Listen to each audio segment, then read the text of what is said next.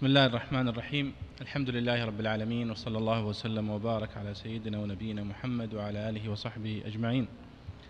حياكم الله والإخوة الكرام في هذا المجلس التاسع والخمسين من مجالس التعليق على تفسير الإمام عبد الله بن عمر البيضاوي الشافعي رحمه الله تعالى. واليوم هو الأحد الثالث والعشرون من الشهر السادس من عام 1436 للهجرة. وقد انتهينا في تعليقنا في الدرس الماضي على الآية رقم 169 في قوله سبحانه وتعالى إنما يأمركم بالسوء والفحشاء وأن تقولوا على الله ما لا تعلمون. وتحدثنا آه، عن قول البيضاوي في آخر كلامه وفيه دليل على المنع من اتباع الظن رأسا. وأما اتباع المجتهد لما أدى إليه ظن مستند إلى مدرك شرعي فوجوبه قطعي. والظن في طريقه كما بيناه في الكتب الأصولية. وقلنا أن هذا استنباط من الإمام البيضاوي وهو استنباط أصولي. فالبيضاوي رحمه الله هو عالم متفنن من العلماء الذين جمعوا بين الأصول الفقه وبين التفسير والعقيدة. وله في كل منها آه، كتب مؤلفة. فله استنباطات في تفسيره استنباطات آه، أصولية كثيرة واستنباطات عقدية. هذا الاستنباط هو من الاستنباطات المتعلقة بالأصول. وقد استنبط هذه الفائدة من قوله تعالى وأن تقولوا على الله ما لا تعلمون قال فيه دليل على المنع من اتباع الظن رأسا وتحدثنا في المجلس الماضي عن تفصيل المقصود بالظن عند الأصوليين وأن الفقهاء في غالب أحكامهم يستندون إلى هذا الظن الغالب ويبنون عليه أحكامهم وهو حكم الله سبحانه وتعالى في هذه القضايا. فالمفتي أو الفقيه يستند إلى الظن الغالب ويفتي به ويجب على المقلد أن يتبعه فيه لأنه هو حكم الله في هذه المسائل. آه، اليوم لعلنا نبدأ من قوله تعالى وإذا قيل لهم اتبعوا ما أنزل الله قالوا بل نتبع ما ألفينا عليه آباءنا. تفضل يا شيخ أحمد. بسم الله والحمد لله والصلاة والسلام على رسول الله صلى الله عليه وسلم وبعد. قال الإمام البيضوي رحمه الله في تفسير قول الله عز وجل وإذا قيل لهم اتبعوا ما أنزل الله قالوا بل نتبع ما ألفينا عليه آباءنا. أولو كان, أولو كان آباؤهم لا يعقلون شيئا ولا يهتدون. وإذا قيل لهم اتبعوا ما أنزل الله الضمير للناس وعدل بالخطاب عنهم للنداء على ضلالهم. كأنه التفت إلى العقلاء وقال لهم انظروا إلى هؤلاء الحمقى ماذا يجيبون؟ قالوا بل نتبع ما ألفينا عليه آباءنا ما وجدناهم عليه. نزلت في المشركين أمروا باتباع القرآن وسائر ما أنزل الله وسائر ما أنزل الله من الحجج والآيات فجنحوا إلى التقليد. وقيل في طائفة من اليهود دعاهم رسول الله صلى الله عليه وسلم إلى الإسلام فقالوا بل نتبع ما وجدنا عليه آباءنا لأنهم كانوا خير منا وأعلم. وعلى هذا فيعم ما أنزل الله التوراة لأنها أيضا تدعو إلى الإسلام. أولو كان آباؤهم لا يعقلون شيئا ولا يهتدون الواو للحال أو العطف والهمزة للرد والتعجيب. وجواب لو محذوف أي لو كان آباؤهم جهلة لا يتفكرون في أمر الدين ولا يهتدون إلى الحق لاتبعوهم وهو دليل على المنع من التقليد لمن قدر على النظر والاجتهاد. وأما اتباع الغير في الدين إذا علم بدليل ما أنه محق كالأنبياء والمجتهدين أنه محق كالأنبياء والمجتهدين في الأحكام فهو في الحقيقة ليس بتقليد بل اتباع ما أنزل الله بل اتباع لما أنزل الله. نعم آه، في قوله تعالى هنا وإذا قيل لهم اتبعوا ما أنزل الله قالوا بل نتبع ما ألفينا عليه آباءنا. من هم هؤلاء؟ طبعا السياق الذي سبقه في قوله سبحانه وتعالى يا أيها الناس كلوا مما في الأرض حلالا طيبا ولا تتبعوا خطوات الشيطان النداء هنا للجميع للناس.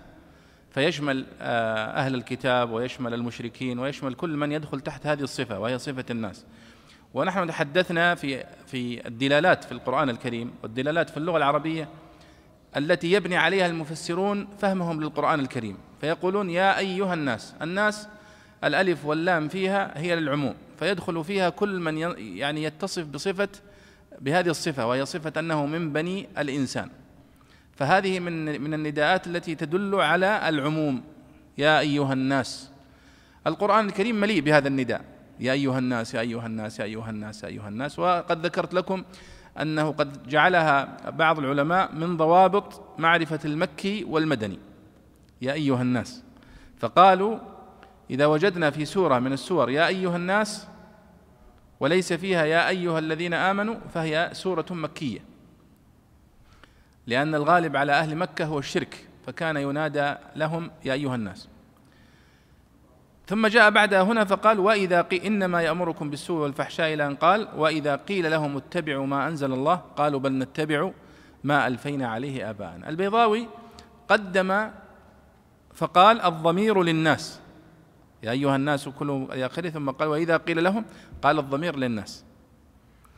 وعدل بالخطاب عنهم للنداء على ضلالهم. ولم يقل وإذا قيل للناس اتبعوا ما أنزل الله قالوا بل قال وإذا قيل لهم فأرجع أرجع الضمير إليهم. طيب.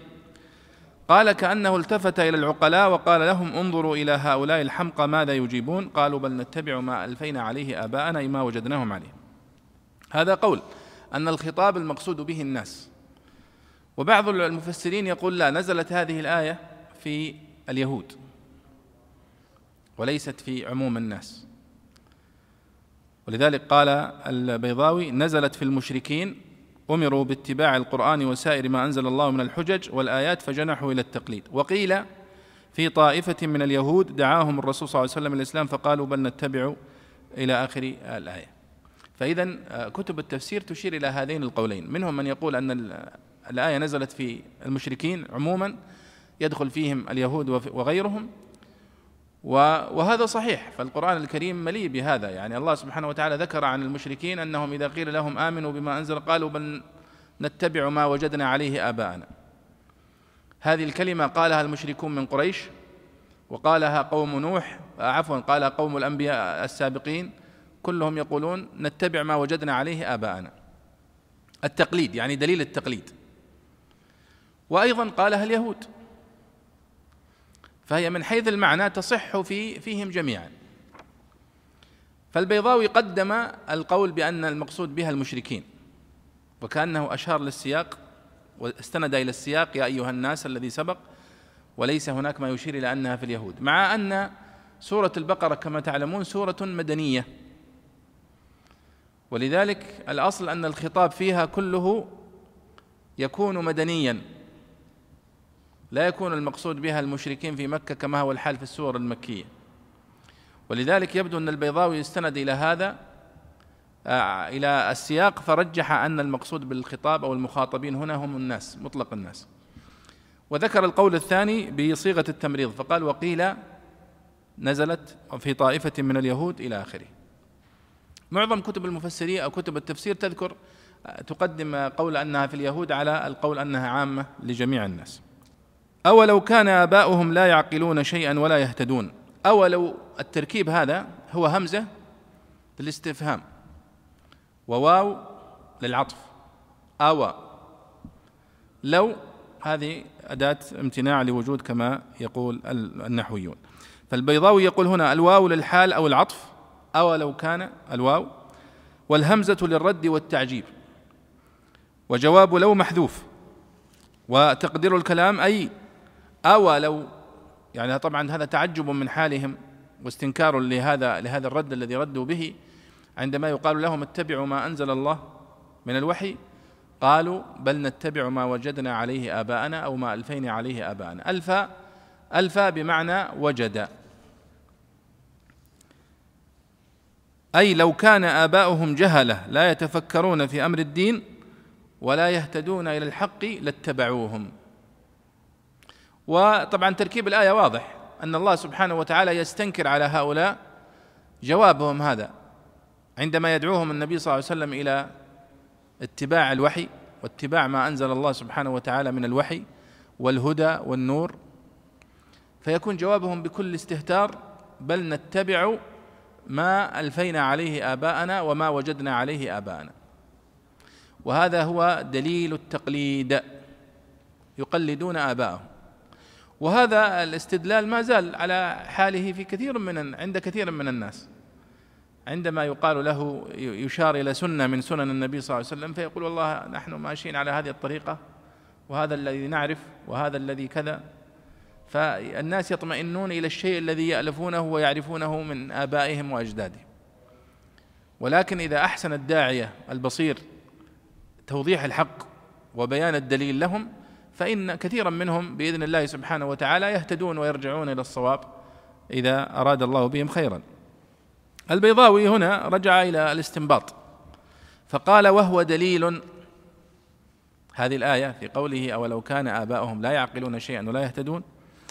قال وهو دليل على المنع من التقليد لمن قدر على النظر والاجتهاد.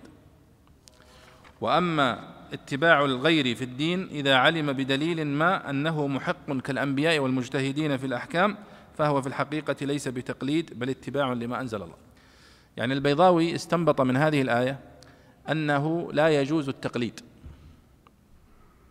في الدين طبعا لا يجوز التقليد في أمر الدين لمن قدر على النظر والاجتهاد. يعني أنت الآن تستطيع أنك تنظر في الدلالة وتنظر في الحكم الشرعي فلا يجوز لك أن تقلد غيرك. لكن لو قلدت عالما أو قلدت نبيا فأنت في الحقيقة لست مقلد وإنما متبع للدليل. لا سيما إذا كان العالم الذي تقلده عالما تقيا ثقة مامونا فقيها عارفا بالاستنباط. وهذا استنباط من البيضاوي من خلال هذه الآية أن الله سبحانه وتعالى يذكر هذا على سبيل الذم والتوبيخ لهم. فالله سبحانه وتعالى يقول عن هؤلاء أنهم إذا دعوا إلى الحق وإلى الوحي قالوا بل نتبع ما ألفينا عليه آباءنا. فالله سبحانه وتعالى يستنكر عليهم فيقول أولو كان آباؤهم. يعني شوفوا الاستنباط هذا كله من هذه الهمزة الهمزة التي تدل على الإنكار والإستنكار والتعجب. أولو كان آباؤهم. لا يعقلون شيئا ولا يهتدون. فاستنبطنا استنبط البيضاوي من هذا الاستفهام أنه إنكار عليهم. هذا الرد. فاستنبط أنه لا يجوز التقليد في الدين لمن قدر على النظر والاجتهاد. هذا استنباط أصولي أيضا كالاستنباط الذي قبل قليل. ولذلك تجدون في كتب أصول الفقه في كتب أصول الفقه عندما يتحدثون عن مبحث التقليد في آخر كتب الأصول دائما يبحثون في كتب أصول الفقه يعني مسائل كبرى في الاستدلال. معرفة دلائل الفقه اجمالا وكيفية الاستفادة منها وحال المستفيد. فالركن الثالث من أركان أصول الفقه هو هذا حال المستفيد. يعني معرفة دلائل الفقه اجمالا يتكلمون فيه عن الأدلة عن القرآن والسنة والإجماع والقياس والأدلة المختلف فيها. وكيفية الاستفادة منها يتحدثون عن كيفية الاستنباط من هذه الأدلة. مباحث الألفاظ وما يتعلق بها و وحال المستفيد يتحدثون عن المجتهد لأنه هو الذي يستفيد من الأدلة. فيتحدثون عن المجتهد وشروط الاجتهاد ويتحدثون أيضا عن التقليد. التقليد وما المقصود بالتقليد وهو يعني أن يقلد الشخص عارفا بالأدلة. تقلد عالم يعرف كيف يستدل وكيف يستخرج الأدلة. أنت ما تفهم ولا تعرف الدليل ولا تعرف وجه الدليل. فتضطر أن تقلد من يعرف ذلك. فهذا هو التقليد. فتجد بعض الأصوليين يذكر أدلة على يعني آه، كراهة التقليد أو على تحريم التقليد لمن قدر على النظر والاجتهاد. بعضهم يذكر دليل دليلين ثلاثة. هذا من الأدلة. فالبيضاوي لو يجمع أحد الباحثين مثلا استدلال استنباطاته الأصولية فقط في تفسيره هذا لوجد كثير من الاستدلالات على مسائل وقواعد أصولية ربما لا يوجد لها أدلة في كتب الأصول. أو ربما لها دليل أو دليلين هنا تجد لها أكثر من عشرة أدلة. اذا هذا هو استنباط البيضاوي وشرحه وهو أنه استنبط من توبيخ الله سبحانه وتعالى لهم في هذه الآية أنه لا يجوز التقليد لمن قدر على النظر والاجتهاد. وأما الذي يقلد عالما فهو ليس مقلدا في الحقيقة وإنما هو متبع للدليل وللنص. طيب. تفضل يا شيخ ومثل الذين كفروا؟ قال رحمه الله في تفسير قول الله عز وجل ومثل الذين كفروا كمثل الذي ينعق بما لا يسمع إلا دعاء ونداء صم بكم عمي فهم لا يعقلون. ومثل الذين كفروا كمثل الذي ينعق بما لا يسمع إلا دعاء ونداء على حذف مضاف تقديره ومثل داعي الذين كفروا كمثل الذي ينعق أو مثل الذين كفروا كمثل بهائم الذي ينعق. والمعنى أن الكفرة لانهماكهم في التقليد لا يلقون أذهانهم إلى ما يتلى عليهم ولا يتأملون فيما يقرر معهم.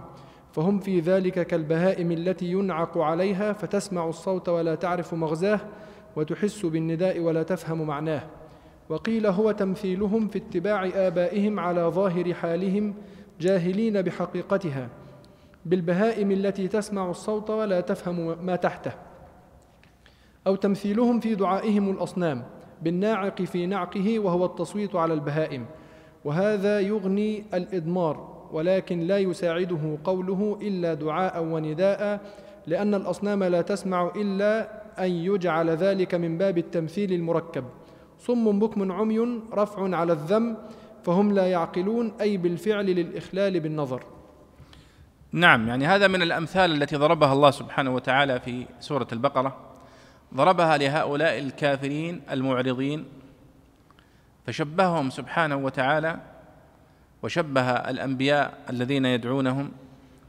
فقال ومثل الذين كفروا كمثل الذي ينعق بما لا يسمع إلا دعاء ونداء. ومثل الذين كفروا كمثل الذي ينعق. ينعق يعني ينادي يصيح بصوت ليس له معنى في ذاته ولكن له مغزى. تفهم منه الحيوانات معنى. وهذا موجود الآن الذي يعني يتعاطى الراعي الغنم ويعرف كيف يتعامل راعي الغنم مع البهائم. يصوت لها بأصوات أصبحت هي متعودة عليها تعرف ماذا يقصد بها يردها يجمعها يرد يناديها إلى آخره.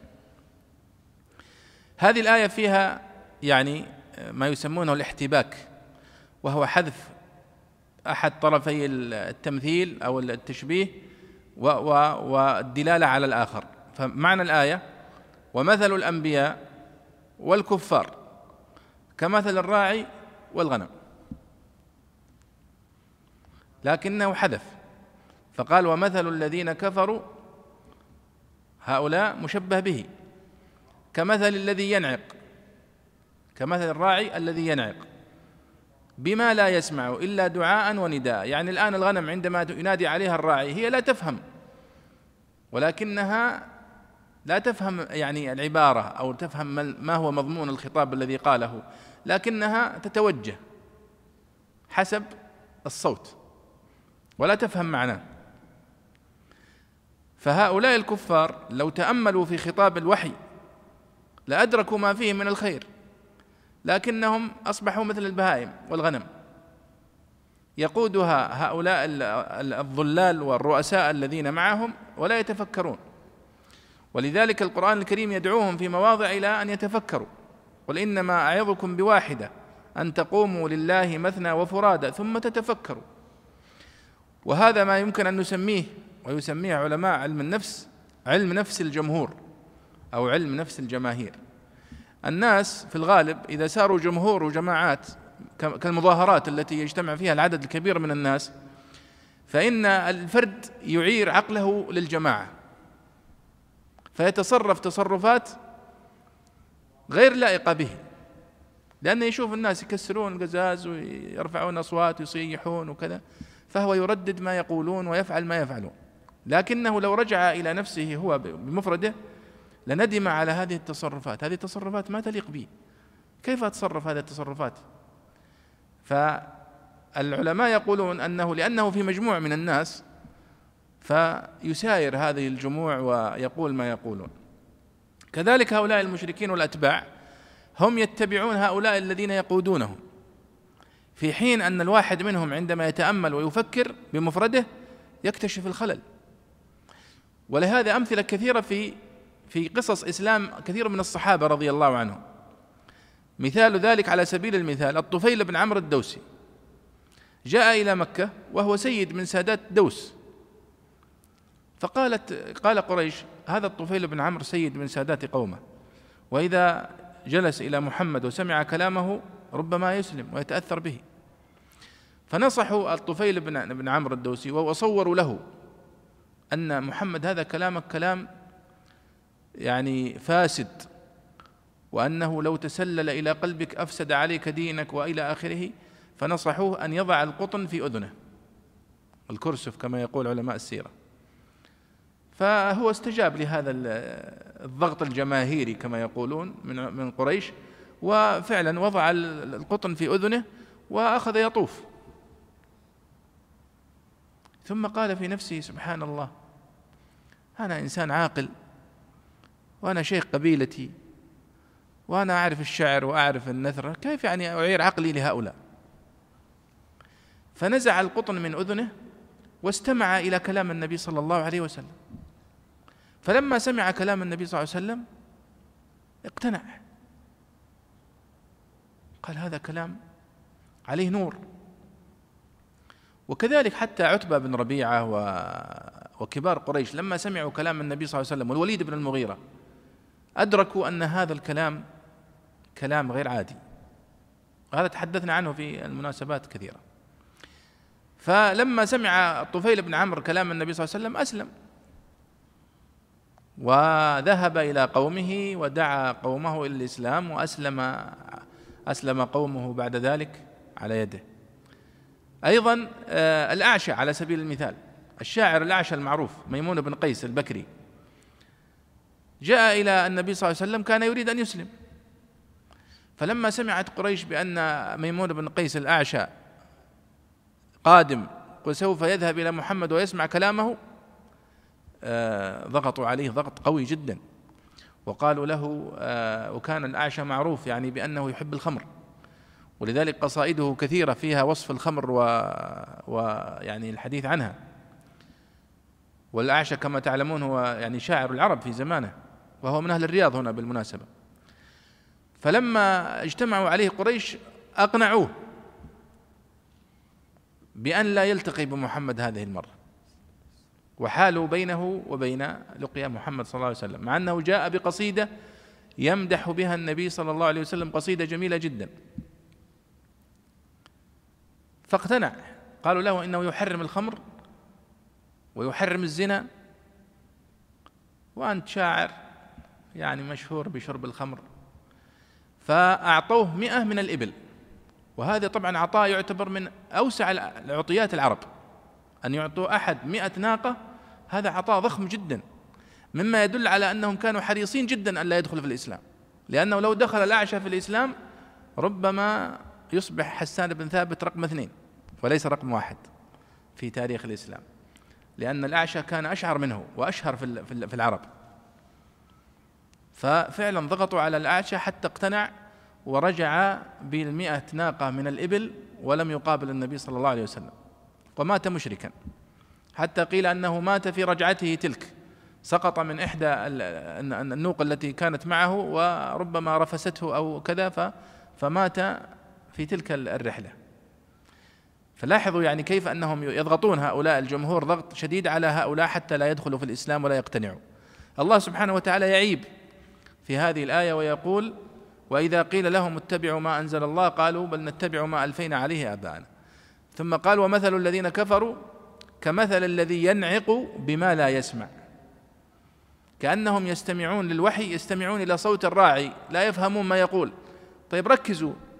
افهموا ما يقول النبي صلى الله عليه وسلم حتى تدركوا هذا الخير وهذا الوحي. فشبههم الله سبحانه وتعالى بالغنم التي لا تعي ما يقول الراعي إلا صوت بس نداء إلا دعاء ونداء.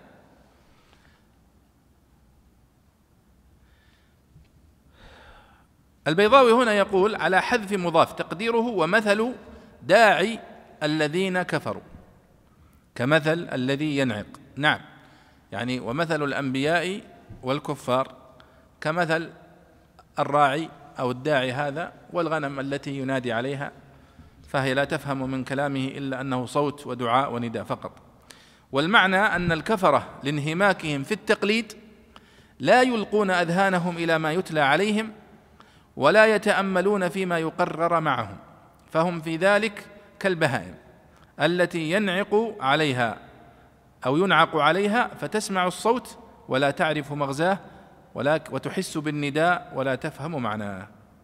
هذا هو معنى هذا المثل وشرح هذا المثل. وقيل هو تمثيلهم في اتباع آبائهم على ظاهر حالهم جاهلين بحقيقتها بالبهائم التي تسمع الصوت ولا تفهم ما تحته. وهذا أيضا معنى صحيح. أو تمثيلهم في دعائهم الأصنام بالناعق في نعقه وهو التصويت على البهائم. إلى آخر ما قال. لكن هذا الشرح الأول هو أولى معاني هذا المثل الذي مثل الله به هؤلاء الكفار المقلدين الموغلين في التقليد. وهذا أيها الإخوة تجدونه في كل مجتمع. في كل مجتمع دائما هناك أناس يقودون المجتمع. وهناك صف ثاني وهناك صف ثالث من العامة الذين إذا قيل لهم يمين يمين وإذا قيل لهم شمال شمال. كما ذكر الله عنهم في هذه الآية. ولذلك ذكر الله حتى عن قوم شعيب وعن المتقدمين. يقودهم عدد قليل. كما قال الله وكان في المدينة تسعة رهط يفسدون في الأرض ولا يصلحون. في كل مجتمع تجدون هناك قيادات مؤثرة وهناك أتباع كل ناعق كما قال آه، كما تقول أتباع كل ناعق. وإلى اليوم تلاحظون هناك من يحرك الجمهور والجمهور يعني يتبع هؤلاء. ولذلك هذا في إشارة إلى أهمية قيادة المجتمعات القيادة الصحيحة وفي إشارة أيضا إلى أهمية مراعاة وبناء القيادات لتقود المجتمعات قيادة الصحيحة وأيضا إشارة إلى انظر الأنبياء عليهم الصلاة والسلام كيف اصطدموا بهذه بهذه يعني السنن في المجتمعات. يأتي النبي صلى الله عليه وسلم يجلس معه ولذلك كان النبي صلى الله عليه وسلم يدرك هذه الحقيقة فكان عليه الصلاة والسلام حريص على إقناع زعماء قريش والزعماء يحاول أن يقابلهم في مناسبة الحج. ولذلك عاتبه الله سبحانه وتعالى في موقف وخلده في القرآن الكريم عندما جاءه عبد الله بن أم مكتوم يسأله عن الإسلام. فالنبي صلى الله عليه وسلم كان منهمكا مع القيادات لأن النبي صلى الله عليه وسلم وهو محق عليه الصلاة والسلام يرى أنه إذا اقتنع القيادات اقتنع الأتباع مباشرة. وهذا إلى اليوم. حدثني أحد الزملاء الذين يعني يكثرون من الذهاب إلى الدعوة في أفريقيا وفي آه، يعني قرأها. يقول نحن يعني من خلال خبرتنا في الدعوة إلى الله سبحانه وتعالى هناك وجدنا أنه إذا اقتنع شيخ القبيلة وأسلم تسلم القبيلة تلقائيا بدون أي معارضة ولا ممانعة. فأصبحنا نذهب إلى رئيس أو شيخ القبيلة فندعوه ونعرض عليه الإسلام. فإذا اقتنع يقول قبل أن نقوم من المجلس ينادي القبيلة كلها ويجمعنا في مكان عام ويتكلم ويقول يعني جاءوني هؤلاء ودعوني إلى الإسلام وكذا وأنا أسلمت. قال فيسلمون جميعا. قال ولا أذكر أنه حصل في مرة من المرات أن اعترض أحد من أتباع القبيلة على إسلام هذا الشيخ أو على هذا الدين. لاحظوا يعني هذا المنطق في التفكير. النبي صلى الله عليه وسلم لما أعرض عن عبد الله بن أم مكتوم عاتبه الله في قوله سبحانه وتعالى عبس وتولى أن جاءه الأعمى. وما يدريك لعله يزكى أو يذكر فتنفعه الذكرى. أما من استغنى اللي هم هؤلاء القيادات والرؤساء أما من استغنى من استغنى فأنت له تصدى. وأما من جاءك يسعى وهو يخشى فأنت عنه تلهى. كلا إنها تذكرة. فهذا درس للدعاة. ليس ليس في الآية إشارة إلى خطأ استهداف النبي صلى الله عليه وسلم للرؤساء والقيادات لا. لكن فيه تنبيه على عدم إهمال الأتباع والضعفاء. فربما يأتي النصر من هؤلاء. ولذلك التوازن هو الذي ندعو إليه. ثم قال الله سبحانه وتعالى في آخر الآية قال صم بكم عمي. فهم لا يعقلون. يعني هؤلاء الأتباع الذين يعني مقلدون. وصفهم الله سبحانه وتعالى بأنهم صم. بكم عمي. الصمم يعني هو عدم السمع. لكن ليس معنى الآية أنهم يعني مصابون آه، بالصمم كمرض. لا. لكن معناها أنهم صم عن سماع الحق والاستجابة له. ولذلك الله سبحانه وتعالى قال إن شر الدواب عند الله الصم البكم الذين لا يعقلون. معناها شر الدواب عند الله من البشر الصم الذين يعني الواحد منهم سمعه أنا ما أدري كيف يقيسون السمع زي هو ستة على ستة زي البصر لكن السمع عندهم مئة بالمئة يسمعون لكنهم لا يستجيبون للحق. فوصفهم الله سبحانه وتعالى بأنهم صم وإلا ليس المقصود أنهم مصابون بالصمم لأن الله سبحانه وتعالى ليس لا يؤاخذ الأصم. ليس على الأعمى حرج ولا على الأعرج حرج ولا على المريض حرج. هذه ابتلاء من الله. والله سبحانه وتعالى لا يعير بأن فلان أصم أو أن فلان أبكم أو أن فلان أعمى. إن هذه خلقة الله. لكنه يعير الأصم الذي يعني قد من الله عليه بنعمة السمع وسمع الحق وفهمه ثم لم يستجب له. قال هذا أصم.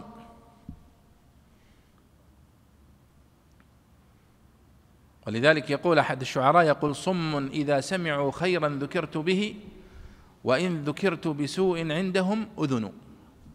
يعني إذا ذكرت بخير ما يسمعون ولا ما, ما لم يسمعوا شيئا لكن إذا ذكرت بخير آه، بسوء سمعوه.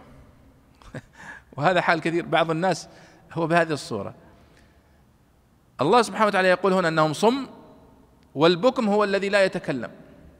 ليس المقصود أيضا أنهم أصيبوا بمرض البكم وإنما المقصود أنهم لا ينطقون بالحق فكأنهم بكم.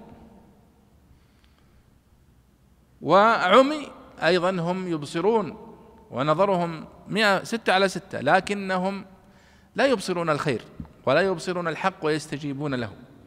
فلذلك وصفهم الله هنا بأنهم صم بكم عمي فهم لا يعقلون. وفي هذا إشارة أيها الإخوة إلى أن هذه الوسائل هي وسائل العقل. الآن الإنسان منا الآن كيف ينمو عقله؟ ينمو عقله من خلال هذه الوسائل من خلال حاسة السمع ومن خلال حاسة البصر. أليس كذلك؟ ولذلك قال الله سبحانه وتعالى والله خلقكم من بطون أمهاتكم. لا تعلمون شيئا. يعني على الصفر العداد على الصفر. ثم قال وجعل لكم السمع والأبصار والأفئدة. هذه وسائل التعلم. فمن وفقه الله سبحانه وتعالى للاستفاء للاستغلال هذه الوسائل السمع والبصر للتعلم والاستفادة نمى عقله وكبر. هؤلاء يقول الله سبحانه وتعالى للأسف هؤلاء لم يستفيدوا من هذه النعم التي أنعمت بها عليهم السمع والبصر والكلام وإنما يعني لم يزدهم هذا إلا ضلالا فوصفهم بأنهم صم بكم عمي فهم لا يعقلون. أيوة تفضل يا شيخ أحمد يا أيها الذين آمنوا. قال رحمه الله في تفسير قول الله عز وجل يا أيها الذين آمنوا كلوا من طيبات ما رزقناكم واشكروا لله إن كنتم إياه تعبدون. يا أيها الذين آمنوا كلوا من طيبات ما رزقناكم لما وسع الأمر على الناس كافة وأباح لهم ما في الأرض سوى ما حرم عليهم أمر المؤمنين منهم أن يتحروا طيبات ما رزقوا ويقوموا بحقوقها فقال واشكروا لله على ما رزقكم وأحل لكم. إن كنتم إياه تعبدون إن صح أنكم تخصونه بالعبادة وتقرون أنه مولى النعم فإن عبادته تعالى لا تتم إلا بالشكر. فالمعلق بفعل العبادة هو الأمر بالشكر لإتمامه وهو عدم عند عدمه. وعن النبي صلى الله عليه وسلم يقول وعن النبي صلى الله عليه وسلم يقول الله تعالى إني والإنس والجن في نبأ عظيم أخلق ويعبد غيري وأرزق ويشكر غيري. نعم لاحظوا أيها الإخوة أنه قال في الآية التي قبل التي تحدثنا عنها يا أيها الناس كلوا مما في الأرض حلالا طيبا. يا أيها الناس كلوا مما في الأرض حلالا طيبا. وقال هنا يا أيها الذين آمنوا كلوا من طيبات ما رزقناكم واشكروا لله إن كنتم إياه تعبدون. وتذكرون عندما تحدثنا عن يعني مناسبة انتقاله من الحديث عن الشرك والنهي عن الشرك إلى الحديث عن الطعام وقلنا أن الشيطان يعني كان من أكثر ما أفسد على بني آدم المطعومات والمشروبات. فأغراهم بأكل وشرب ما حرم الله عليهم وحرم عليهم ما أحل الله سبحانه وتعالى لهم. فالله سبحانه وتعالى في هذه الآيات يؤكد على أن الله سبحانه وتعالى قد أباح للإنسان الأكل من الطيبات وأن المحرمات مستثناة قليلة جدا جدا مقارنة بما أحل الله سبحانه وتعالى على الإنسان. هنا يقول يا أيها الذين آمنوا هناك يقول يا أيها الناس ودائما أيها الإخوة في الخطاب القرآني نفرق تفريقا دقيقا لأن كل كلمة وكل حرف في القرآن الكريم مقصود للمخاطب ولذلك ينبغي على المخاطب أن يركز في فهم كلام الله سبحانه وتعالى. فهنا يقول يا أيها الذين آمنوا إشارة إلى أن الأمر الذي سوف يأتي بعدها أمر حتى ننفذه فهو يتطلب درجة عالية من الإيمان بالله سبحانه وتعالى. فكلما علت هذه الصفة وهي صفة الإيمان كلما زاد اتباعه لهذا النداء الذي جاء جاء في الآية. ولذلك قال ابن مسعود رضي الله عنه كلمة جميلة. قال إذا سمعت يا أيها الذين آمنوا فأرعها سمعك فإما خير تدعى إليه وإما شر تنهى عنه. هنا يتحدث الله سبحانه وتعالى عن الطعام والشراب. فيقول يا أيها, يا أيها الذين آمنوا كلوا من طيبات ما رزقناكم. قال البيضاوي لما وسع الأمر على الناس كافة وأباح لهم ما في الأرض سوى ما حرم عليهم أمر المؤمنين منهم أن يتحروا طيبات ما رزقوا ويقوموا بحقوقها.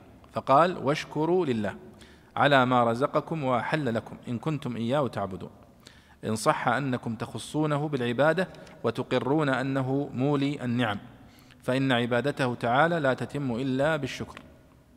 وهذا كلام في غاية الأهمية.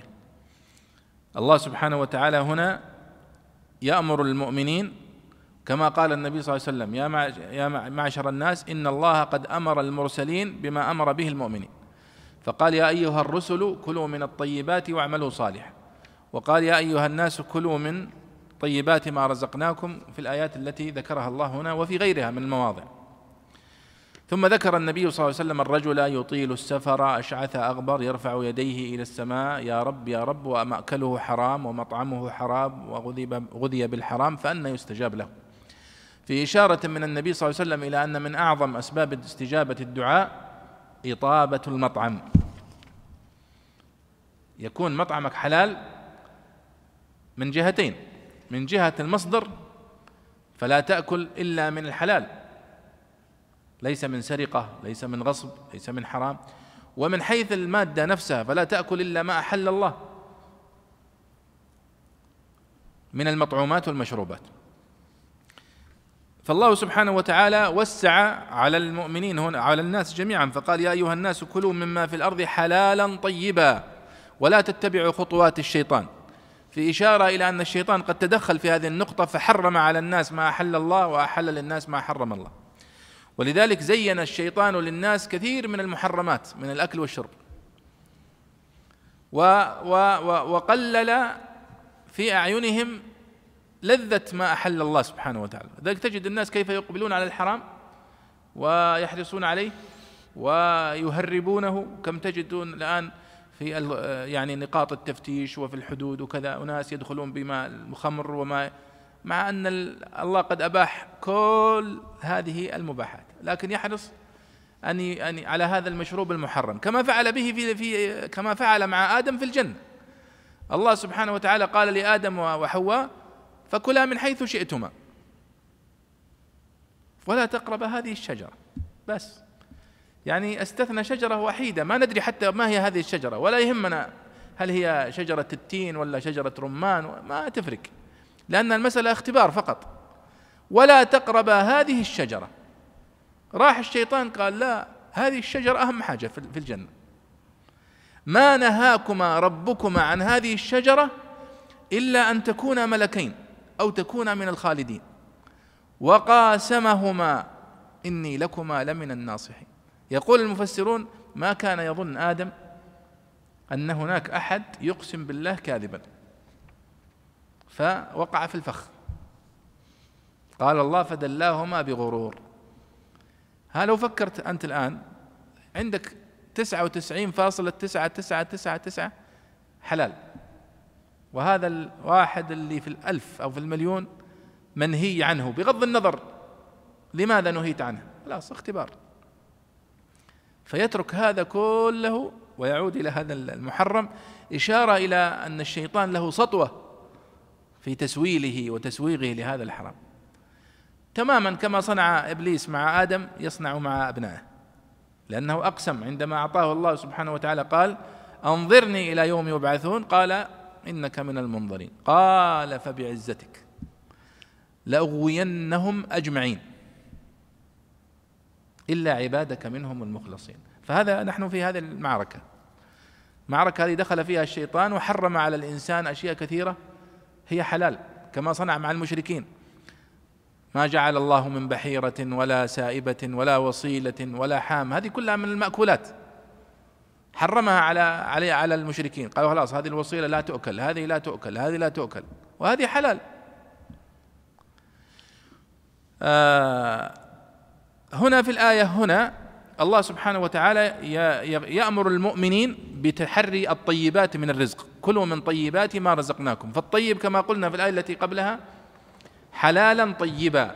أن الصحيح أن الطيب هو الطيب الذي تستطيبه الفطرة السليمة. وهذا هو ما أحله الله سبحانه وتعالى. وكأنه يشير أحيانا إلى أن هناك بعض المأكولات التي هي حلال لكنها لا تستطيبها بعض الفطر. لأنه قال حلالا طيبا. قال والحلال هو ما أحله الله. فالطيب إذن هو صفة أخرى. ليس المقصود بالطيب هو ما أحله الله أيضا لأنه قد قال حلالا. فدل وهذه قاعدة من قواعد الترجيح وهي أن التأسيس أولى من التأكيد. فالتأسيس هو أن يأتي بمعنى جديد. والتأكيد هو أن يؤكد المعنى السابق. أيهما أولى؟ التأسيس أولى. أن نقول أن الآية جاءت لمعنى جديد أولى من أن نقول أنها جاءت لتأكيد معنى سابق. فقول حلالا طيبا بعض المفسرين قالوا الطيب هو الحلال. قلنا لا لأن الحلال قد دل عليه لفظة الحلال. فطيبة هي دلالة إضافية والمقصود بها ما تستطيبه الفطر السليمة. طيب. قال من طيبات ما رزقناكم واشكروا لله إن كنتم إياه تعبدون. البيضاوي هنا ذكر لفتة مهمة وهي لفتة يعني تكررت كثيرا في القرآن الكريم وفي التفسير وهي دلالة التقديم والتأخير. قال واشكروا لله إن كنتم إياه تعبدون. نفس المعنى الذي في سورة الفاتحة. إياك نعبد وإياك نستعين. التقديم هنا للمفعول به. إشارة إلى اختصاصه بهذا. فالله سبحانه وتعالى يقول إن كنتم إياه تعبدون. ليس المقصود بها إن كنتم تعبدونه فقط ولكن المقصود بها إن كنتم توحدونه بالعبادة. إشارة إلى أن من أشرك بالله سبحانه وتعالى في طعامه فأكل ما حرم الله وحرم ما ما أحل الله فقد وقع في الشرك.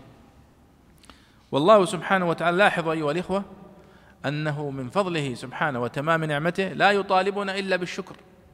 شكر النعمة. والمقصود بالشكر هو القول والفعل. ولذلك قال الله سبحانه وتعالى أو قال النبي صلى الله عليه وسلم إن الله ليرضى عن العبد. يأكل الأكلة فيحمده عليها ويشرب الشربة فيحمده عليها. يعني يأكل اللقمة يقول الحمد لله. الحمد لله الذي أطعمنا وسقانا من غير حول منا ولا قوة. قد أدى شكر هذه النعم. وأخبرنا عليه الصلاة والسلام أن الله يرضى عن العبد بهذا الفعل. وقال الله وإذ تأذن ربكم لئن شكرتم لأزيدنكم.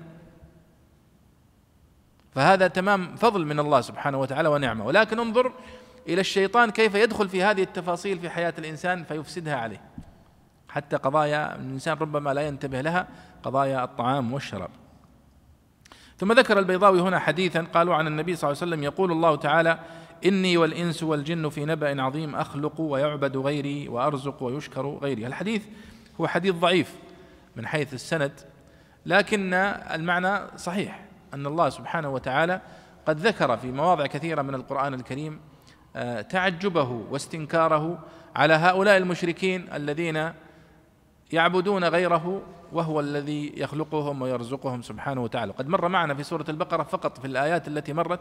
نحن الآن في الآية 170 تقريبا أو 171 مر معنا كثير هذا المعنى وهو أن الله استدل بخلقه وربوبيته على ألوهيته.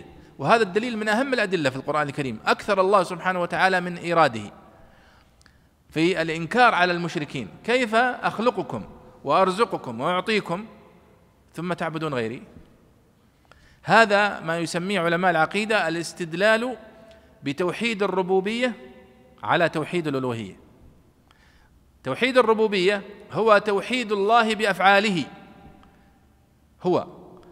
لأنه لا يرزق إلا هو لا يعطي إلا هو لا ينزل المطر إلا الله لا يحيي لا ينبت النبات إلا الله. توحيد الله بأفعاله. فنحن نؤمن بأن كل هذه الأفعال لا يستطيعها إلا الله سبحانه وتعالى. هذا خلق الله. فأروني ماذا خلق الذين من دون؟ توحيد الألوهية أو توحيد العبادة هو توحيد الله بأفعال العباد. فلا نصلي إلا له ولا نسجد إلا له ولا نستعين إلا به ولا ندعو إلا هو. لاحظوا هذا توحيد الربوبية وهذا توحيد الألوهية. كثير من المشركين كانوا يقرون بتوحيد الربوبية. وإذا قيل لهم من خلق السماوات والأرض؟ ولئن سألتهم من خلق السماوات والأرض ليقولن الله. طيب ليش ما تعبدونه طيب وتوحدونه؟ فهذا يعني هذه نقطة واضحة في في تاريخ الشرك. تاريخ الشرك في منذ أن اجتال إبليس الناس في عهد آدم أو في آخره عن التوحيد الخالص. وإلا الأصل في خلق الله سبحانه وتعالى لآدم عليه الصلاة والسلام وذريته أنهم كانوا على التوحيد وعلى الفطرة. فاجتالتهم الشياطين. ومنذ ذلك التاريخ والله سبحانه وتعالى يرسل الرسل لتصحيح المسار. منهم من يستجيب فيتبع الأنبياء ومنهم من يعرض ويعارض الأنبياء إلى أن يرث الله الأرض ومن عليها. ولولا دفع الله الناس بعضهم ببعض لفسدت الأرض. ولاحظوا اليوم كيف تقوم الحروب العقدية. بين الأمم من أجل دينهم. يحارب المؤمنون الموحدون من أجل توحيدهم ودينهم. يقتل اليوم المسلم السني الموحد لأنه مسلم سني موحد. هذه سنة ماضية. الله سبحانه وتعالى قد أمرنا بالإعداد وأمرنا بأخذ العدة وبالجهاد في سبيل الله وكرر سبحانه وتعالى الحديث عن الجهاد في القرآن الكريم كثيرا. إشارة إلى أنها سنة من سنن الله سبحانه وتعالى. لا يمكن أن يرتدع هؤلاء المعتدون بالمفاوضات والحديث الحلو والكلام العذب. أبدا. هذه سنة من سنن الله. وذلك النبي صلى الله عليه وسلم. وهو المؤيد بالوحي. خاض سبع وعشرين معركة بنفسه عليه الصلاة والسلام. مع أنه عليه الصلاة والسلام مستجاب الدعوة. ومؤيد بجبريل. وجبريل عليه الصلاة والسلام إذا تدخل في معركة ما تقبل الهزيمة وتدخلت الملائكة مع النبي صلى الله عليه وسلم في أكثر من موضع. وبالرغم من ذلك أمر عليه الصلاة والسلام بالجهاد في سبيل الله وانكسرت رباعيته عليه الصلاة والسلام وانشج وجنته عليه الصلاة والسلام في الجهاد في سبيل الله. سنة ماضية. ذلك إبليس هو داخل معنا في هذه التفاصيل حتى يموت الإنسان وهو في صراع معه لا يظن الإنسان في مرحلة من المراحل والهدوء والسلام أنه قد انتهت المعركة مع مع إبليس ابدا. طيب هذا أيضا من منهجية البيضاوي التي نريد أن نشير إليها هو تساهله في إيراد الأحاديث الضعيفة وخطأه في إيراد الأحاديث الموضوعة. وهذا ذكرت لكم في أول درس وثاني درس وربما أكررت في مواضع. يعني هذا الحديث ضعيف. ورد طبعا الحديث في آه، شعب الإيمان للبيهقي وفي نوادر الأصول للترمذي لكنه ضعيف. أورده الألباني رحمه الله في كتابه ضعيف الجامع وضعفه. لكن هذا يعتبر يعني ليس يعني آه، خطأ محضا وإنما هو تساهل من إيراد الحديث الضعيف في التفسير. لكن الخطأ هو إيراد الأحاديث المكذوبة كما هو في الحديث المشهور المتداول اللي هو آه، حديث آه، فضائل السور. من قرأ سورة الحجر فله بيت في الجنة ومن قرأ كذا ومن قرأ كذا وهو حديث موضوع مكذوب. ثبت ذلك آه، وذكره المحدثون. فأورده الزمخشري في كتابه الكشاف وأورده الواحد رحمه الله وسامحه في كتابه الوسيط وقلده من جاء بعده.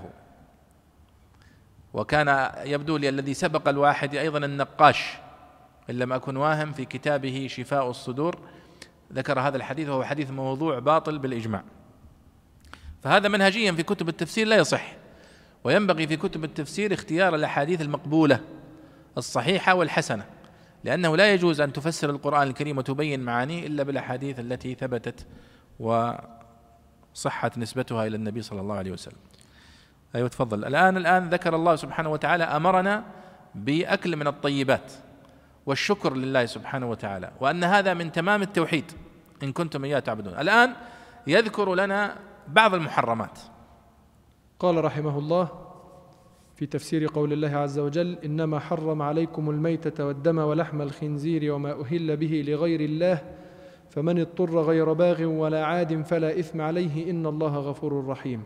إنما حرم عليكم الميتة أكلها أو الانتفاع بها أو الانتفاع بها وهي التي ماتت من غير ذكاه والحديث ألحق بها ما أبين من حي والسمك والجراد أخرجهما العرف عنها.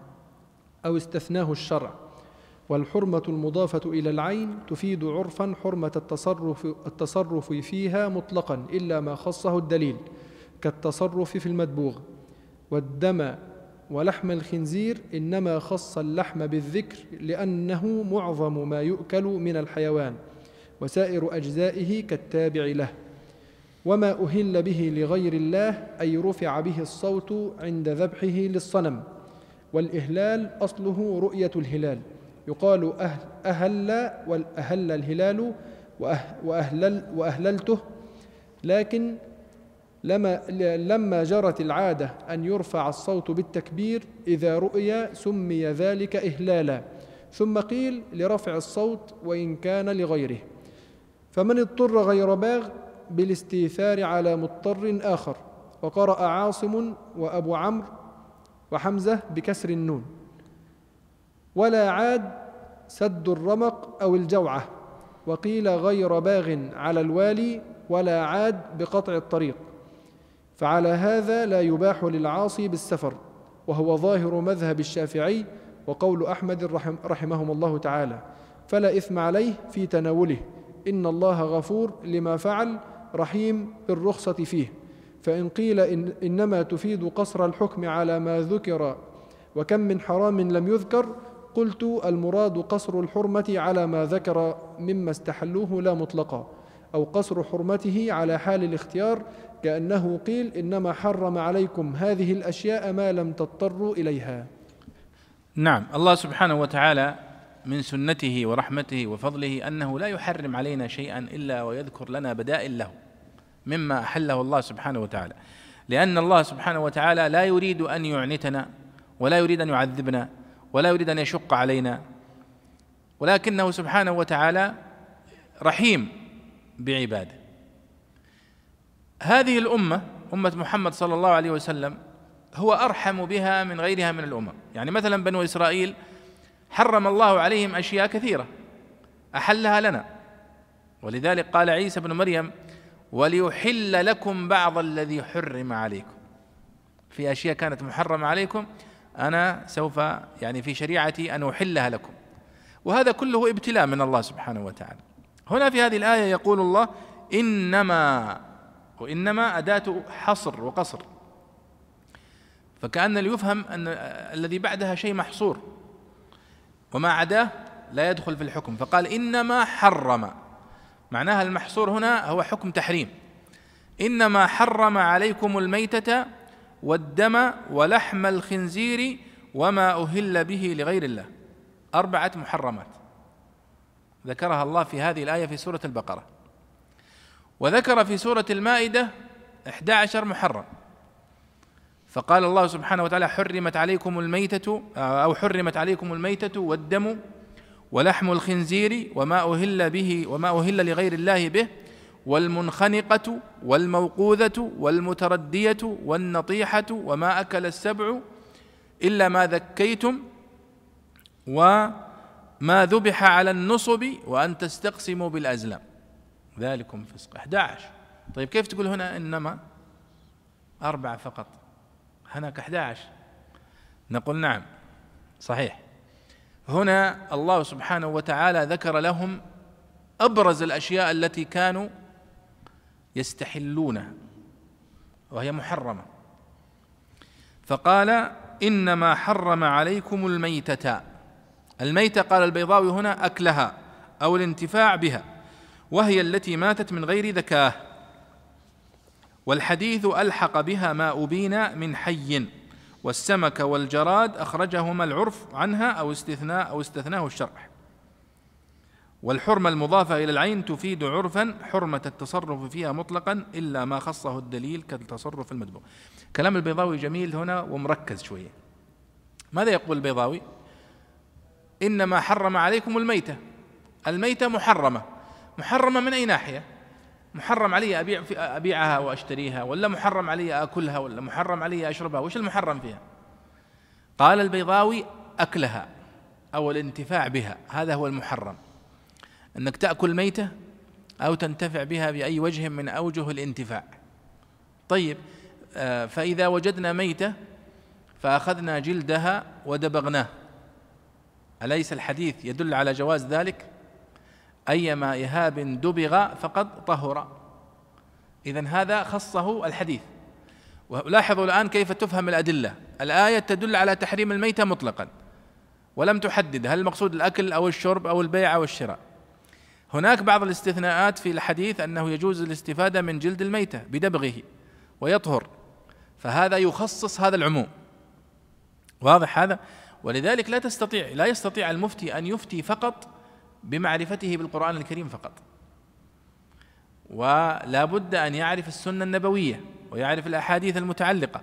فإذا جاء يفتي في مسألة يجمع كل الأدلة والأحاديث فيها وكلام الصحابة رضي الله عنهم كيف فهموا هذه الأدلة وهذه الأحاديث ثم تتضح له الصورة تماما. هنا يستطيع أن يفتي. أما أن يفتي بدليل مقطوع لا يعرف هو هل هو ناسخ منسوخ أو غير منسوخ. لا يعرف هل هو مخصص لا يعرف هل هو مقيد فإنه سيقع في أخطاء كثيرة. واضح هذا يا شباب؟ طيب البيضاوي هنا يقول أن المقصود بالتحريم أكل الميتة أو الانتفاع بها مطلقا. ثم يعرف الميتة فيقول أن الميتة من الحيوانات هي التي ماتت من غير ذكاء. خروف مثلا صدمت السيارة فمات. هذا محرم. خروف مثلا طاح من فوق بيت أو طاح من رأس جبل متردية يسمى. ولذلك في سورة البقرة أو سورة المائدة حرمت عليكم الميتة إلى قال والمنخنقة والموقوذة والمتردية والنطيحة هذه كلها ميتة فهي عطف على الخاص على العام. يعني المنخنقة ميتة والمتردية ميتة والموقوذة ميتة والنطيحة ميتة.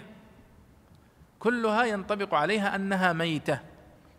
ذبحت من غير ذكاء والذكاء الشرعية معروفة هي أن تقطع يعني الودجين بحد سكين أو نحوه آه، ويخرج الدم من من من جسم الذبيحة. يعني كما يقولون هي أربعة أوداج هنا إذا قطع منها ثلاثة أو أربعة فتحل الذبيحة. هذه هي الذكاء الشرعية. إذا ماتت بطريقة أخرى مثل الصعق الكهربائي أو ترميها من فوق مكان بعيد أو آه، يعني بأي سبب من الأسباب فهي محرمة. واضح هذا؟ طبعا يأتي سؤال نحن نقول هي محرمة ولا نأكل منها. يأتي سؤال لماذا حرمت؟ هذا سؤال آخر. وهو البحث عن حكمة التحريم. يعني نحن الآن لا نأكل لحم الميتة ديانة لأن الله قد حرمها حتى لو كانت مفيدة صحيا. وهذه أحيانا بعض الناس يبحث عن العلة فكأنه من حيث لا يشعر يرى أن ما دامت محرمة عفوا ما دامت مضرة بالصحة فإذا أنا لن آكلها. فيكون امتناعه عن أكلها لأنها مضرة بالصحة وليس اتباعا لأمر الله وأمر رسوله صلى الله عليه وسلم. ونحن نقول لا نحن نترك أكلها اتباعا لأمر الله ورسوله. لكن إذا اكتشفنا أنه صدرت بعض الأبحاث الطبية تثبت أن الميتة يبقى دمها في داخلها وأنه يسممها وأن فيه جراثيم وكلام الذي يقوله العلماء فهذا يزيدنا إيمانا ويزيدنا يقينا بأن النبي صلى الله عليه وسلم لا ينطق عن الهوى إن هو إلا وحي يوحى وأن الله ما حرم علينا شيئا إلا لما فيه من المفسدة والمضرة وما أمرنا بشيء إلا لما فيه من الخير. فهنا يقول البيضاوي هنا أيضا والحديث ألحق بها ما أبين من حي. يعني ما أبين من حي فهو ميت. قطعة مثلا يقطعها من رجل شاة وهي حية.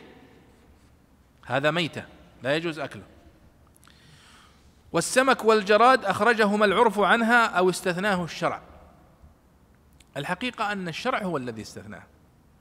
لأن النبي صلى الله عليه وسلم قال في الحديث أحلت لنا ميتتان ودمان.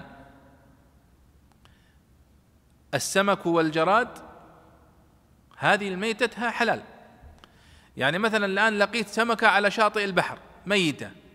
يجوز تأكلها. وقد ثبت أن عدد من الصحابة رضي الله عنهم وجدوا عنبر سمكة حوت كبيرة ضخمة جدا وجدوها على ساحل البحر الأحمر وكانوا في جوع وهم سرية رأس أرسلها النبي صلى الله عليه وسلم. فاختلفوا هل يجوز نأكل من هذه الميتة أو لا يجوز؟ ثم الاضطرار ألجأهم إلى الأكل منها فأكلوا منها وأخذوا منها إلى المدينة. فأخبروا النبي صلى الله عليه وسلم فقال لهم هذا الحديث أحلت لنا ميتتان ودمان السمك والجراد. فالسمك ميتته حلال والجراد ميتته حلال أيضا بنص الحديث. ودمان الكبد والطحال. الكبد هي تعتبر يعني نوع من أنواع الدم وإن كانت يعني تقطع بقطعة لحم لكنها تدخل في في في الدم بدلالة هذا الحديث. والطحال. فقول البيضاوي هنا السمك والجراد أخرجهما العرف أو استثناء الشرع الحقيقة أن الشرع هو الذي استثناه. لو لم يستثنها الشرع لقلنا ميتة السمك حرام. بدلالة قوله تعالى إنما حرم عليكم الميتة وهي ميتة. وكذلك الجراد. لكن النبي صلى الله عليه وسلم أخبرنا أنها حلال فنحن نقول أنها حلال. ولذلك لاحظوا أيها الإخوة هذه نقطة مهمة جدا. الحلال والحرام في الأكل والشرب وفي غيره مصدرها الوحي فقط. الله فقط. هو الذي يحلل وهو الذي يحرم. ولا يجوز بأي حال من الأحوال أن يتولى هذا الأمر غيره. واضح هذا؟ أكل الأكل والشرب. طيب. قال البيضاوي هنا آه والحرمة المضافة إلى العين تفيد عرفا حرمة التصرف فيها مطلقا إلا ما خصه الدليل كالتصرف في المدبوغ. يعني الآن عندما قال حرمت عليكم الميتة عينها يدخل في ذلك حرمة كل أوجه التصرف فيها أكلها حرام بيعها وشراؤها حرام. إلا ما خصه الدليل كما استثنى جلد الميتة إذا دبغ فإنه يطهر ويجوز الانتفاع به. قال كالتصرف في المدبوغ. والدم ولحم الخنزير. يعني معنى الآية حرم عليكم الميتة مفعول به أو الأول والدم هذا المفعول به الثاني ولحم الخنزير معطوف عليه أيضا. المقصود بالدم هنا لاحظوا أيضا هذه فائدة من فوائد تفسير القرآن بالقرآن. الدم هنا عام. إنما حرم عليكم الميتة والدم. فنحن نقول أن الدم يحرم مطلقا. حتى لو كان مختلط بعظم يحرم مطلقا. لكنه في آية أخرى خصص فقال أو دما مسفوحا. نعود أيها الإخوة إلى يعني الحديث عن الآية. هذا المبحث هذا من أهم مباحث علوم القرآن ومن أهم مباحث علم أصول الفقه دلالات الألفاظ. يعني الآية شوفوا تقول إنما حرم عليكم الميتة. والميتة هنا عامة. يدخل فيها كل ميتة. طيب هل كل ميتة حرام؟ بدلالة هذه الآية فقط الجواب نعم كل ميتة حرام لأن الألف واللام في قوله الميتة للعموم. إنما حرم عليكم الميتة. لكن استثنينا منها السمك والجراد حلال الميتة. لماذا؟ لأنه ورد في الحديث النبوي تحليلها هذا وش نسميه؟ نسميه التخصيص هذا عام وهذا تخصيص طيب من هو الذي خصص هنا؟ النبي صلى الله عليه وسلم إذا نستفيد فائدة أن الحديث النبوي يخصص القرآن الكريم يجوز أن يرد عام في القرآن الكريم والمخصص له يأتي في السنة النبوية. وش معنى الكلام هذا؟ معناه أن القرآن الكريم والسنة النبوية واحد. ولذلك بعض العلماء يقول لا يصح أن تقول أن القرآن الكريم مصدر الأول والسنة المصدر الثاني والصحيح أنهما مع بعض المصدر الأول. وأيضا في هذا رد يا مشايخ على الذين يسمون أنفسهم القرآنيون قبحهم الله. وهم فئة خبيثة فرقة خبيثة تدعو للاكتفاء بالقرآن الكريم فقط ونبذ السنة النبوية. يقولون السنة النبوية ما لها داعي. فيها اختلافات صحيح ضعيف مدري إيش. نخرج من وجع الرأس هذا كله ونستبعد السنة النبوية. خلاص نكتفي بالقرآن الكريم. كتاب الله. شفت الفكرة؟ هذه كلمة حق أريد بها باطل. وهؤلاء فرقة مارقة. لا لا علاقة لها بالإسلام. الذين يدعون إلى نبذ السنة النبوية كفار. وأنت مغمض لأنهم قد ردوا الدين. ولذلك لو لاحظت يعني خطورة هذه الدعوة لا يمكن أن يقوم للإسلام قائمة أبدا بدون السنة النبوية. لا يمكن نعرف الصلاة. على سبيل المثال الصلاة التي تصلونها الآن صلاة العشاء من أخبركم أنها أربع ركعات؟ القرآن الكريم ليس فيه دلالة على ذلك. فيه وأقيموا الصلاة. بس أمر مجمل كذا لكن ما فيه تفصيل. لا نعرف كيف نصلي الظهر ولا العصر ولا المغرب ولا العشاء ولا ندري كيف نصليها أبدا. ننبذ السنة النبوية ما نعرف نصلي. الحج. في القرآن الكريم أمر بالحج لكن ليس فيه تفصيل عن كيفية الحج. النبي صلى الله عليه وسلم حج وقال خذوا عني مناسككم. قال صلوا كما رأيتموني أصلي صح؟ فلو استجبنا لهذه الدعوة لا انتهى الإسلام. السنة النبوية والقرآن الكريم مع بعض هما مصدر التشريع. لاحظوا هنا إنما حرم عليكم الميتة. الميتة هنا عامة لكن وجدنا القرآن السنة تخصصها. والحديث أيضا أيما إهاب دبغ فقد طهر. استثنينا الجلد إذا دبغ استثنينا السمك وال والجراد من من الميتة واستثنينا الكبد والطحال من الدم. لاحظوا كيف يفهم القرآن الكريم. يرد فيه عموم يرد فيه خصوص. لا يمكن أن تفهم العام إلا إذا أتيت بالخاص وأدخلته معه وإلا تقع في الاضطراب في فهم القرآن الكريم. قال الله سبحانه وتعالى والدم والدم كما قلت لكم هنا أيضا عام يحرم الدم مطلقا. لكنه في آية أخرى قال إلا أن يكون ميتة أو دما مسفوحا. المسفوح المصبوب. يعني الآن إذا ذبحت الذبيحة خرج الدم. هذا الدم محرم شربه أو أكله. دم مسفوح. طيب بقي دم ملتصق باللحم. هل يحرم هذا؟ قالوا لا. لأنه لا يمكن التحرز منه. الآن إذا ذبحت الذبيحة الآن ووضعتها في القدر وبديت تطبخ تلاحظ أن هناك دم يظهر على على الماء مما اختلط وبقي في هذه اللحوم. أيضا لا لا يمكن التحرز منه وهذا يجوز. لكن المحرم هو الدم المسفوح المصبوب الكثير. طيب كيف عرفنا أنه الدم المسفوح فقط هو المحرم؟ لأنه ورد في آية أخرى. تخصيص الدم المحرم بالمسفوح قال أو دما مسفوحا. وهذا أيضا هو من التخصيص. بمعنى نقول هنا الدم هنا عام ولكنه ورد تخصيصه في آية أخرى فيحمل أو عفوا ورد تقييده بالمسفوح فيحمل المطلق هنا على المقيد هناك. واضح يا شباب؟ شفتوا كيفية الاستدلال وكيفية فهم القرآن الكريم؟ هذا يتكلم عنه علماء القرآن الكريم في كتب علوم القرآن. ويتكلم عنه علماء أصول الفقه في كتب أصول الفقه ويتكلم عنه المفسرون أيضا في كتب التفسير. طيب قال ولحم الخنزير إنما خص اللحم بالذكر لأنه معظم ما يؤكل من الحيوان وسائر أجزائه كالتابع له.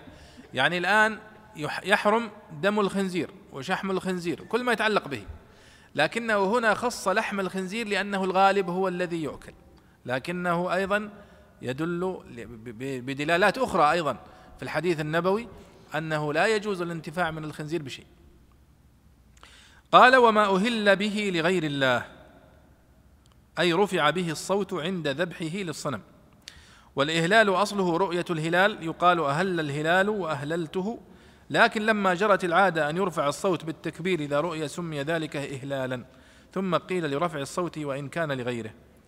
هذه أيضا آه، من الدلالة اللغوية وتطور الدلالة اللغوية.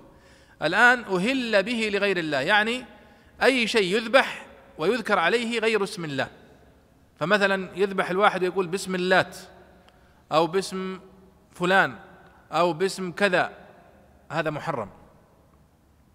قد يقول قائل طيب ليش؟ طيب أنا سأذبحه ذبح صحيح سوف يخرج الدم منه وتذهب قضية الميكروبات والجراثيم التي تكلم عنها العلماء ما في مشكلة.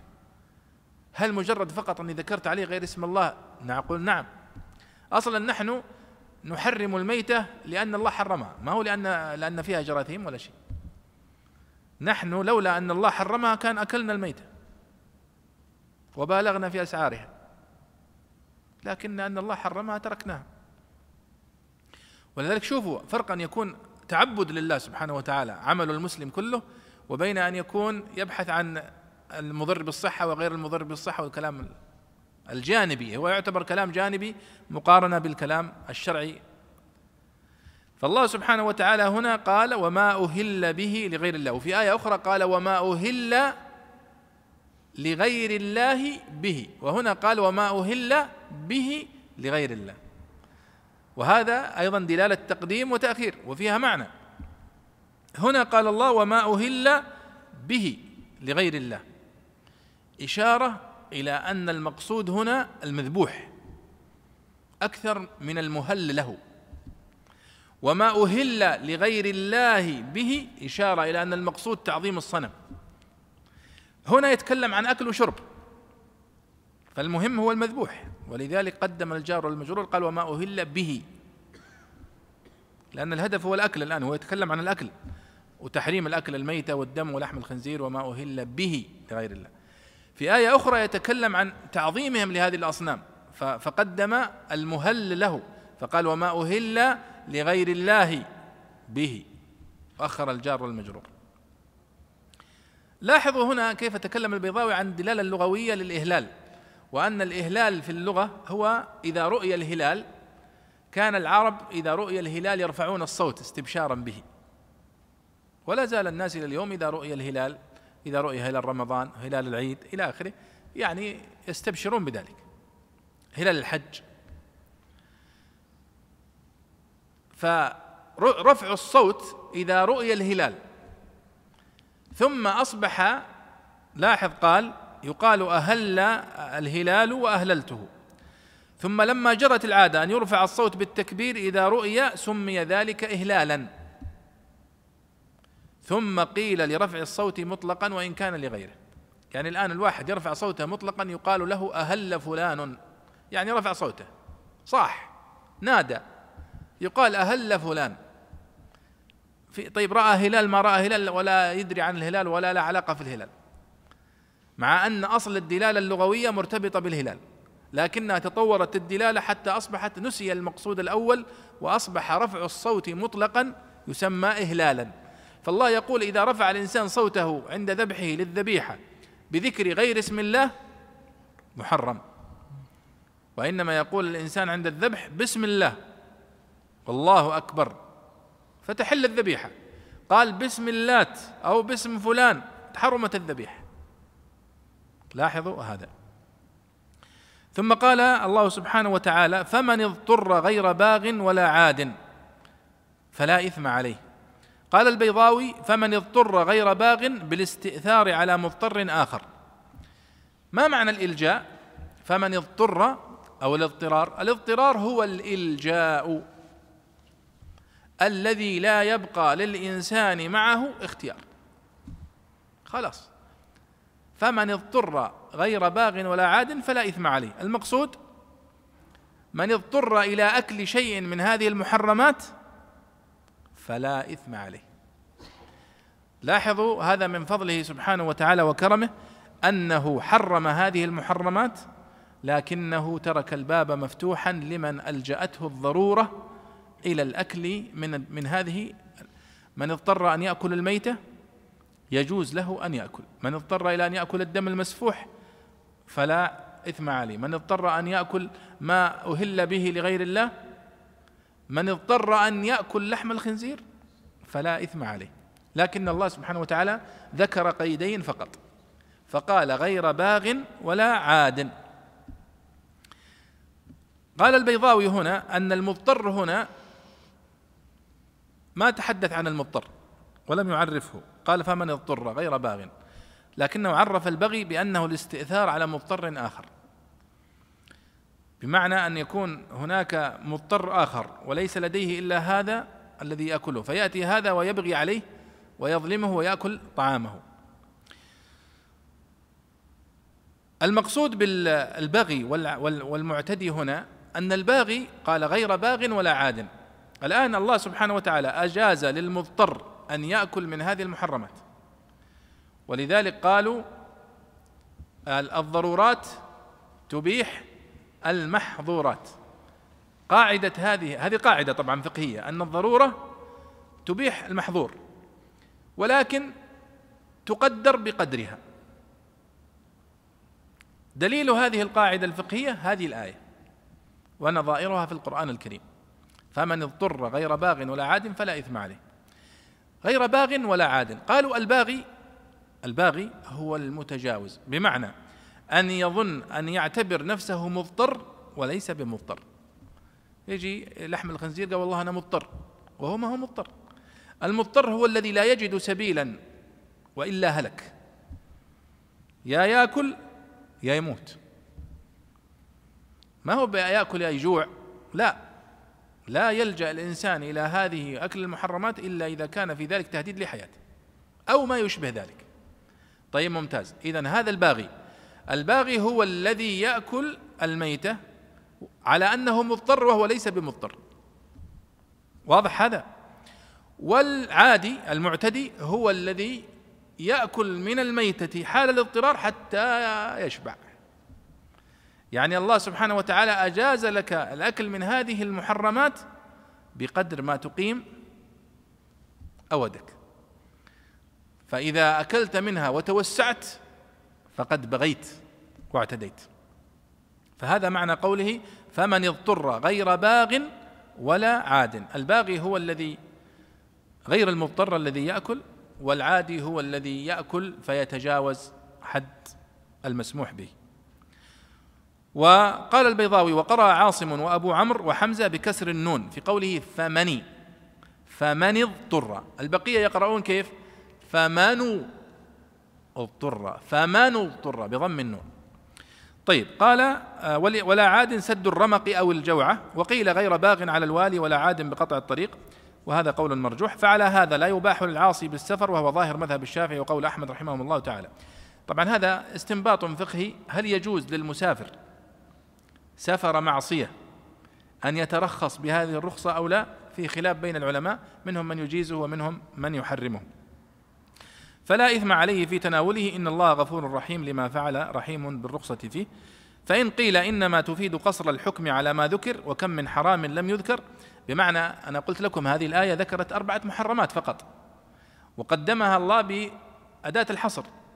طيب كيف تحصر؟ تقول أن فقط هذه الأربعة المحرمات والصحيح أن هناك محرمات أخرى. قال قلت هذا توجيه البيضاوي لهذا قلت المراد قصر الحرمة على ما ذكر مما استحلوه وليس مطلقا. أو قصر حرمته على حال الاختيار كأنه قيل إنما حرم عليكم هذه الأشياء ما لم تضطروا إليها.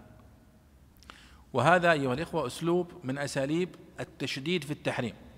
كأن الله سبحانه وتعالى يقول عبر بإنما حرم عليكم إشارة إلى أن كأن ما في محرم إلا هذه الأربعة.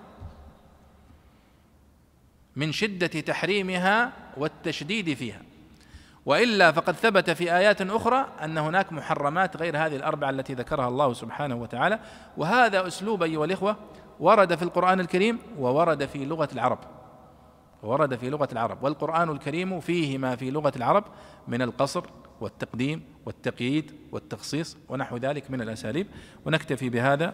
وصلى الله وسلم على سيدنا ونبينا محمد وعلى آله وصحبه أجمعين.